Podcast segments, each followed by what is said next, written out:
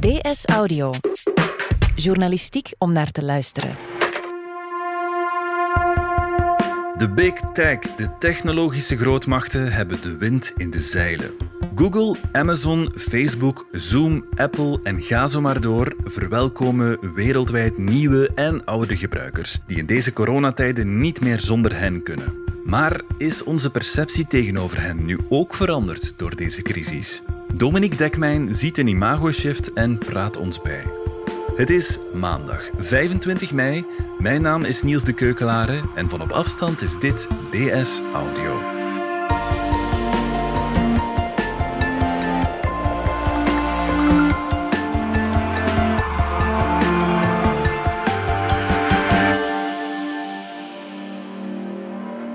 Dominique, de big tech companies zijn de grote winnaars van de coronacrisis. Dat mag ik wel zeggen, denk ik. Ja, we kunnen dat alleen maar constateren. Hè? En dat is op zich niet onverwacht. Ik denk dat we onmiddellijk merkten, zodra dat we in die lockdown-situaties geraakten, dat we meer dan ooit afhankelijk waren van technologie om alles te doen wat, wat we elke dag doen. Hmm. En als we afhankelijk zijn van technologie, dan is dat voor een flink stuk de technologie van die grote dominante technologiebedrijven. En die technologiebedrijven eh, zijn onze levenslijn geworden. Aan de ene kant, omdat we onze vrienden niet meer zien, eh, zijn we meer afhankelijk van de sociale netwerken. En hebben we het eh, in de eerste plaats over Facebook, want ze zijn bijna allemaal van Facebook. Messenger, WhatsApp en Instagram dat we die nodig hebben om met onze vrienden en familie om te gaan. Aan de andere kant werken we thuis, waardoor dat we dan bijvoorbeeld de software van Microsoft meer dan ooit nodig hebben. Dat gaat dan over de Office software, maar ook over de Teams samenwerkingssoftware. En dan heb je ook nog het feit dat je niet uit kunt gaan om voor entertainment. En dat we dus meer dan ooit zitten naar Netflix en YouTube te kijken. Ja, en ook deze podcast is daar een duidelijk bewijs van. We nemen op via Skype, communiceren via WhatsApp en bereiden voor via Teams. Er zijn dus nog meer mensen in nog grotere mate dan anders afhankelijk van de technologie. Vertaalt die toename in gebruikers zich ook meteen in betere cijfers? Ja, de afgelopen weken hebben we ook gezien, toen die bedrijven hun eerste resultaten bekend hebben gemaakt sinds die lockdownperiode, dat ze het ook financieel opvallend goed doen, waardoor zij eigenlijk op dit moment de sterkhouders van de beurs zijn. Hè. Zij mhm. houden de Amerikaanse beursrecht. We hebben in die financiële resultaten wel gezien dat een aantal van hen, en dan gaat het vooral over Google en Facebook, hebben het financieel op korte termijn een beetje moeilijk, omdat er wat minder reclamegeld binnenkomt. Maar dat gaat uiteindelijk over een tijdelijke dip in de reclamemarkt als zodanig. Hmm. Maar uh, hun concurrenten op die reclamemarkt, de traditionele media, krijgen zwaardere klappen, verzwakken meer. En dat maakt eigenlijk dat je als uitdager, als je heel veel geld ter beschikking hebt, kun je tegen een stootje en kun je in zo'n crisisperiode eerst vooruitgang boeken. Dus Facebook krijgt extra gebruikers, heel veel, krijgt niet zoveel extra geld, mist wat inkomsten doordat die reclamemarkt inzakt, maar dat halen ze achteraf wel in. En dus tegelijkertijd zien we dat de concurrenten van die grote big tech bedrijven eerder verzwakt worden. Dus je kunt alleen maar concluderen, ze gaan een stuk sterker worden. Ja, nu worden ze dus bejubeld, maar een paar maanden geleden was er nog sprake van het aan banden leggen van de machtspositie van die bedrijven. Is dat nu niet meer aan de orde dan? Uh, ja, absoluut. Daar is toch inderdaad een merkwaardige uh, kering aan het gebeuren. Aan het begin van dit jaar stond het haast vast. Dit jaar gaat minstens één van die grote technologiebedrijven voor de rechter worden gehaald. Ja, er zijn verschillende processen die al lopen, maar er gaat mhm. er één echt veroordeeld worden door de rechter. Er gaat dit jaar werk gemaakt worden om die big tech bedrijven die te groot zijn geworden, om die letterlijk een kopje kleiner te maken. Ja, dat was Facebook trouwens, hè? vooral duidelijkheid. Vooral Facebook, maar Europa pakt dan Google aan. Er wordt ook gekeken naar of een bedrijf als Apple fiscaal wel genoeg afstaat. Nee, dus al die grote big tech bedrijven stonden zowel in Europa als ook in de VS stonden in de schijnwerpers. En er was een gevoel dat die bedrijven te groot, te machtig zijn geworden, waardoor mhm. eigenlijk de marktmechanismen niet meer goed werken. Nu, in de VS vooral was dat het nieuw fenomeen. En daar speelde ook wel mee dat een aantal politici die aan het streven waren voor de nominatie als presidentskandidaat voor de Democratische Partij, met name dan Elizabeth Warren, dat die zich aan het profileren waren op van als ik president word, ja, dan ga je wat zien. Dan gaan we die big tech bedrijven wel even morgens leren. Dus ondertussen is zij weggevallen uit die race naar het presidentschap. Dus dat is een klein beetje opzij. Aan de Europese kant lopen er absoluut nog procedures tegen Big Tech, maar de eerste zorg gaat toch niet uh, antitrust zijn. Er zijn andere economische katten te geestelen.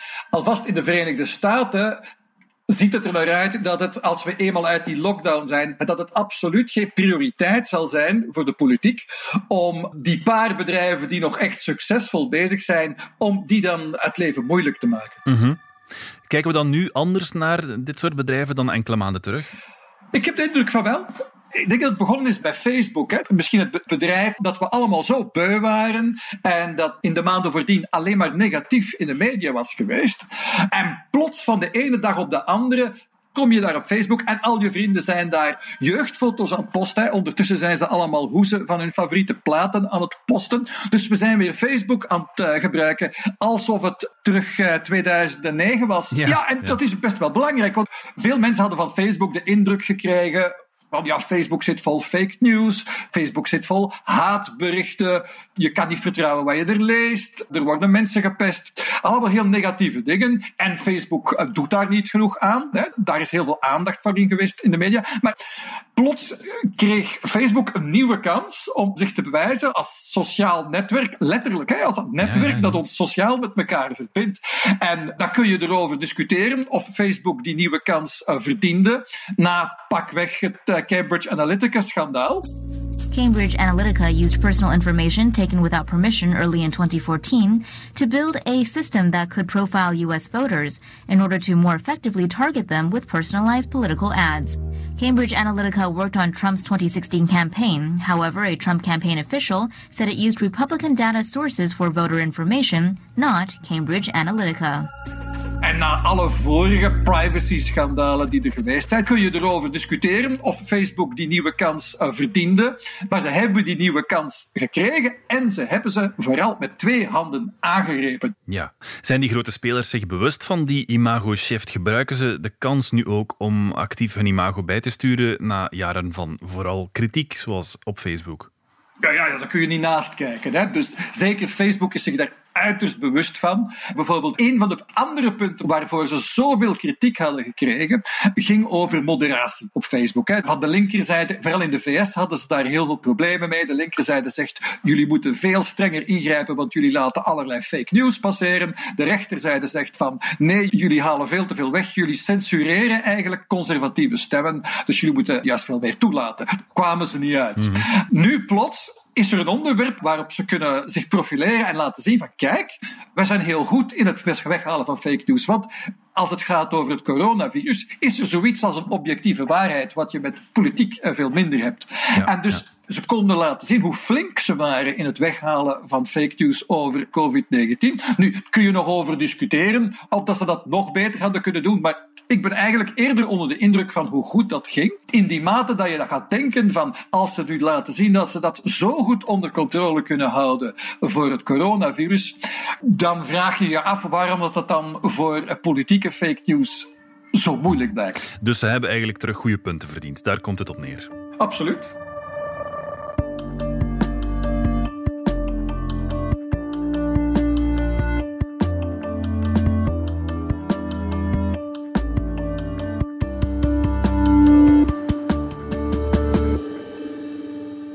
Wat we vaker zien in Silicon Valley is dat grote spelers de toekomstige, nog kleine concurrenten opkopen en zo de mogelijke toekomstige concurrentie uitschakelen. Dat mechanisme van overnames woedt nu ook. Waarom precies? Omdat het uh, crisis is. Hè. Eh, net wanneer het moeilijk gaat, wanneer de bedrijven in moeilijkheden zijn, dan kunnen de bedrijven die wel over financiële middelen beschikken, toeslaan. Hè. En dan mhm. zie je dat die big bedrijven, en dat moet je dan in hun voordeel ook wel zeggen, niet alleen hebben ze gigantische financiële middelen, maar ze zijn ook heel alert voor de situatie. Ze zijn aan het profiteren van de situatie zoveel als ze kunnen. Daarentegen zijn hun concurrenten flink verzwakt, dikwijls aan het einde van hun financiële reserves, of minstens ze doen het wat minder goed, waardoor hun beurskoers wat lager is. En dan worden ze ook kwetsbaarder voor een al dan niet vijandige overnamepoging. Dus iedereen zit wel degelijk te kijken naar die mogelijkheid dat we gaan naar een reeks overnames, fusies in de, in de technologie sector. Ja. Dus gezien de omstandigheden komen er wel wat overnames aan. Uh, wel, dat is wel degelijk wat een aantal mensen nu verwachten. Uh, nu, in welke mate zijn we dat nu al aan het zien? Nog niet zoveel. Maar iedereen zit er wel naar uit te kijken. En er was een tijdje geleden het gerucht dat Amazon plots een, hele bioscoopketen, de AMC, zo'n beetje de Kinepolis van Amerika, zou gaan overnemen. Dat is ondertussen niet bevestigd. Dus misschien was dat een loos gerucht. Ondertussen horen we wel dat, dat Uber, dat bedrijf waar dat je via een app een ritje kunt boeken in iemands auto. Zij hebben het op dit moment moeilijk, maar omdat ze over zoveel financiële middelen beschikken, zitten zij nog niet in nood. En in plaats van dat stilletjes te ondergaan, doen zij nu een bod op Grubhub. En dat Grubhub is een bedrijf, dat is een beetje een Amerikaanse Deliveroo. Hè. Zij gaan eten van restaurants naar de mensen thuis uh, bezorgen. Dus nog zien hoe dat het afloopt. Maar Uber doet tegelijkertijd ook een kleinere investering in Lime, de maker van die scooters. Dus je ziet zeker Uber, ondanks het feit dat ze het zelf nu moeilijk hebben, maar door het feit dat zij als groot Silicon Valley bedrijf gigantische financiële reserves hebben, profiteren zij van de crisis om grote stappen vooruit te zetten. Ja. En dan heb je ook een nieuwe speler als Zoom, waar we nog niet van gehoord hadden. Ja, dus dat is wel zo. Hè? Dus de big tech bedrijven beheersen een flink stuk van de markt, maar er zijn ook een paar nieuwkomers die eigenlijk in deze periode hebben kunnen profiteren van de omstandigheden en eigenlijk bijna aanhaken bij Big Tech. En het interessantste van allemaal is natuurlijk Zoom. Hè. Zij hadden mhm. toevallig net het juiste product waarmee je kon een soort virtuele vergadering houden op een manier dat je door het gevoel hebt dat iedereen erbij is. Technisch lag de lat vrij laag. Ze hebben wat moeilijkheden gehad op vlak van beveiliging, maar bon, ze hebben zich kunnen profileren ook heel, heel snel als de plek om een ontspannen meeting te houden. Mhm. En wat je onmiddellijk gezien hebt, is dat die big tech bedrijven zeggen, dat moeten wij ook hebben. Ze zijn nu in een race, sinds twee maanden al, in een race om alles wat Zoom heeft en zij niet hebben, om dat snel toe te voegen aan hun eigen videotools. Want uiteraard, natuurlijk, videoconferencing is absoluut niet nieuw. Hè? Microsoft heeft Skype, Google heeft al jaren zijn Hangouts uh, software. Er was al heel veel videoconferentiesoftware maar die was de laatste jaren niet meer zo geüpdate. En dan was er een, relatief nieuw bedrijf, ze zijn al een vijftal jaar bezig, maar Zoom had een leuk product dat de mensen graag gebruiken en dat nu het juiste product is. Ze hebben dan volle gas uh, doorgeduwd. En ja, nu is het heel interessant om te zien hoe dat dit zich nu verder gaat ontwikkelen. Ja, is Zoom nu het over te nemen bedrijf voor de andere grote big tech spelers? Wel, wat we gezien hebben is dat Zoom zo snel is gegroeid dat hun beurswaarde gigantisch is gestegen. Mm dat is nu iets van rond, rond de 50 miljard uh, dollar, geloof ik. Dat wordt al heel moeilijk om over te nemen. Maar inderdaad, een, een Facebook of een Google zou dat nog nipt aankunnen. En dan is de vraag, zou men dat wel toelaten? Hè? Zou men toelaten dat de grote technologiebedrijven, waarvan we al vonden dat ze te machtig waren, dat die grote overnames doen om hun monopoliepositie te behouden, te versterken of in nieuwe markten uit te breiden. Dus wat men ziet is dat men daar in de VS wel degelijk bezorgd om is. En Elizabeth Warren, eh, ze zal niet de eh, Amerikaanse president worden, maar zij heeft een voorstel gedaan voor een, een nieuwe wet. Het is moeilijk in te schatten hoeveel kans die wet maakt om gestemd te worden. Maar zij stelt voor een wet die zegt nu in deze coronaperiode een tijdelijk verbod op uh, grote overnames door grote bedrijven. En zij bedoelt vooral de big tech bedrijven, zodat zij niet kunnen profiteren van de situatie om hmm. zwakkere spelers weg te halen en hun machtspositie te vergroten. Dus ik denk niet dat die wet er gaat komen, dat de kaarten liggen daarvoor een beetje moeilijk in, in dat hele verdeelde Amerikaanse congres. Um, maar ook in de VS is men er wel degelijk mee bezig. Mhm. En Europa heeft in de tijd die overname van WhatsApp laten gebeuren. Ik denk, denk dat, we, dat we nu uh, terugblikkend kunnen zeggen dat dat waarschijnlijk een vergissing was, waardoor Facebook, dat toen al heel machtig was, een echt dominante positie heeft gekregen in sociale netwerken. Ja. Uh, ik denk dat we ons heel bewust moeten zijn van het gevaar dat opnieuw zoiets gebeurt. Dat we opnieuw zo'n grote versterking zien van, van die uh, technologiebedrijven. Mhm. En Zoom is een heel mooie testcase. Hè. Maar ik denk op dit moment nee, dat een overname van iets als Zoom zowel financieel zou het heel, heel zwaar zijn, net wel doenbaar, maar ik denk dat dat niet op de beugel zou kunnen.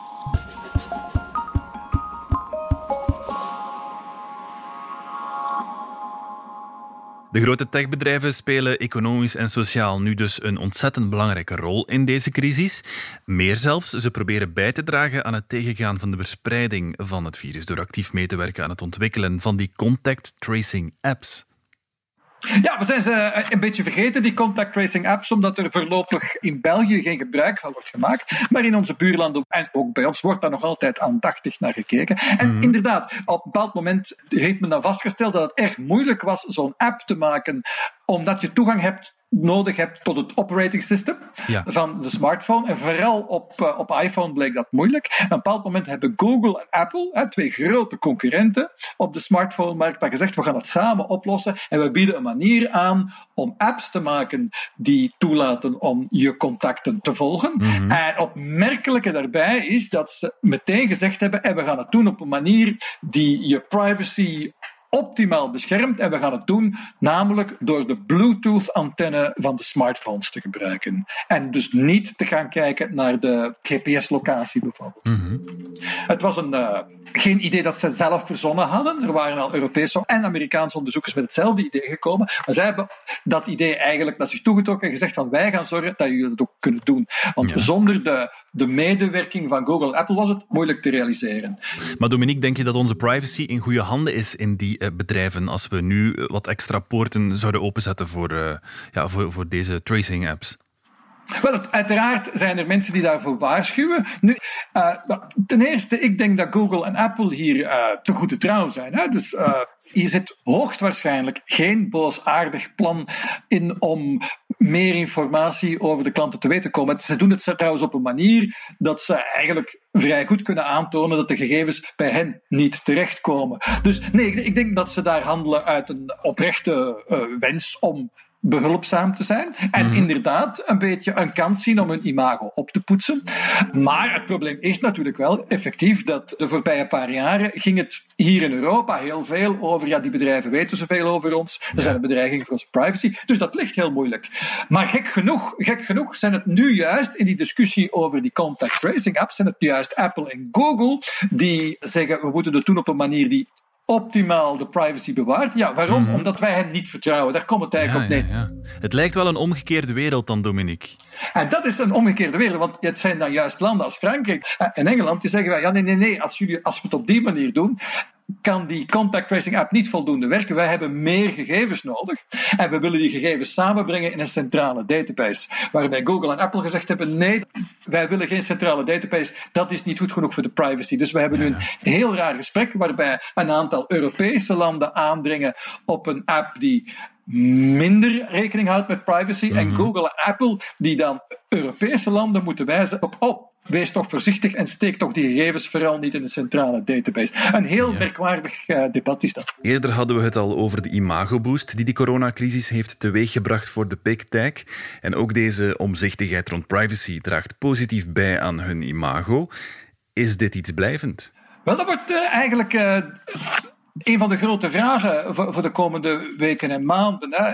Charme-offensief van die big tech bedrijven, in hoeverre blijft daar iets van hangen? Mhm. Ik denk in de VS misschien meer dan hier in Europa. In Europa lopen er een aantal procedures. We hebben instanties. Hè. We hebben uh, Margrethe Vestager, Europees commissaris voor concurrentie, die uh, ongetwijfeld verder zal gaan in haar pogingen om die grote technologiebedrijven, om de macht daarvan in Europa mhm. in te perken. Dus dat stopt niet opeens. Maar het, het zal zowel in de VS als in Europa natuurlijk veel minder prioriteit hebben, aangezien we ja, gewoon op, op economisch vlak andere en grotere problemen gaan hebben de komende maanden. Dus ik denk wel, als deze lockdown niet was gebeurd op deze manier, denk ik dat we nu veel dichter stonden bij harde ingrepen van Europa en VS om de macht van die bedrijven in te perken. En we zien nu, twee maanden later, dat de kansen dat er hard wordt opgetreden tegen deze bedrijven veel kleiner is geworden, terwijl hun macht alleen maar groeit. Ja, oké, dat gaan we moeten in de gaten houden. Dominique Dekmijn, dankjewel. Graag gedaan. Dit was DS Audio. Wil je reageren? Dat kan via dsaudio.standaard.be. In deze aflevering hoorde je Dominique Dekmijn en mezelf Niels de Keuklare. Ik deed ook de redactie, de eindredactie gebeurde door Annelies van der Roost. Brecht Plasgaard deed de audioproductie en schreef de muziek die je hoorde in deze podcast. Chef audio is Wouter van Driessen. De extra geluidsfragmenten die je hoorde kwamen van Reuters. Vond je deze podcast interessant? Weet dan dat je er elke werkdag één kunt beluisteren. Dat kan via de DS Nieuws app of via standaard.be-audio. Je kunt je ook abonneren via iTunes, Spotify of de podcast-app van je keuze. En als je daar dan toch bent, schrijf gerust een review. Zo toon je ook anderen de weg. Morgen zijn we er opnieuw.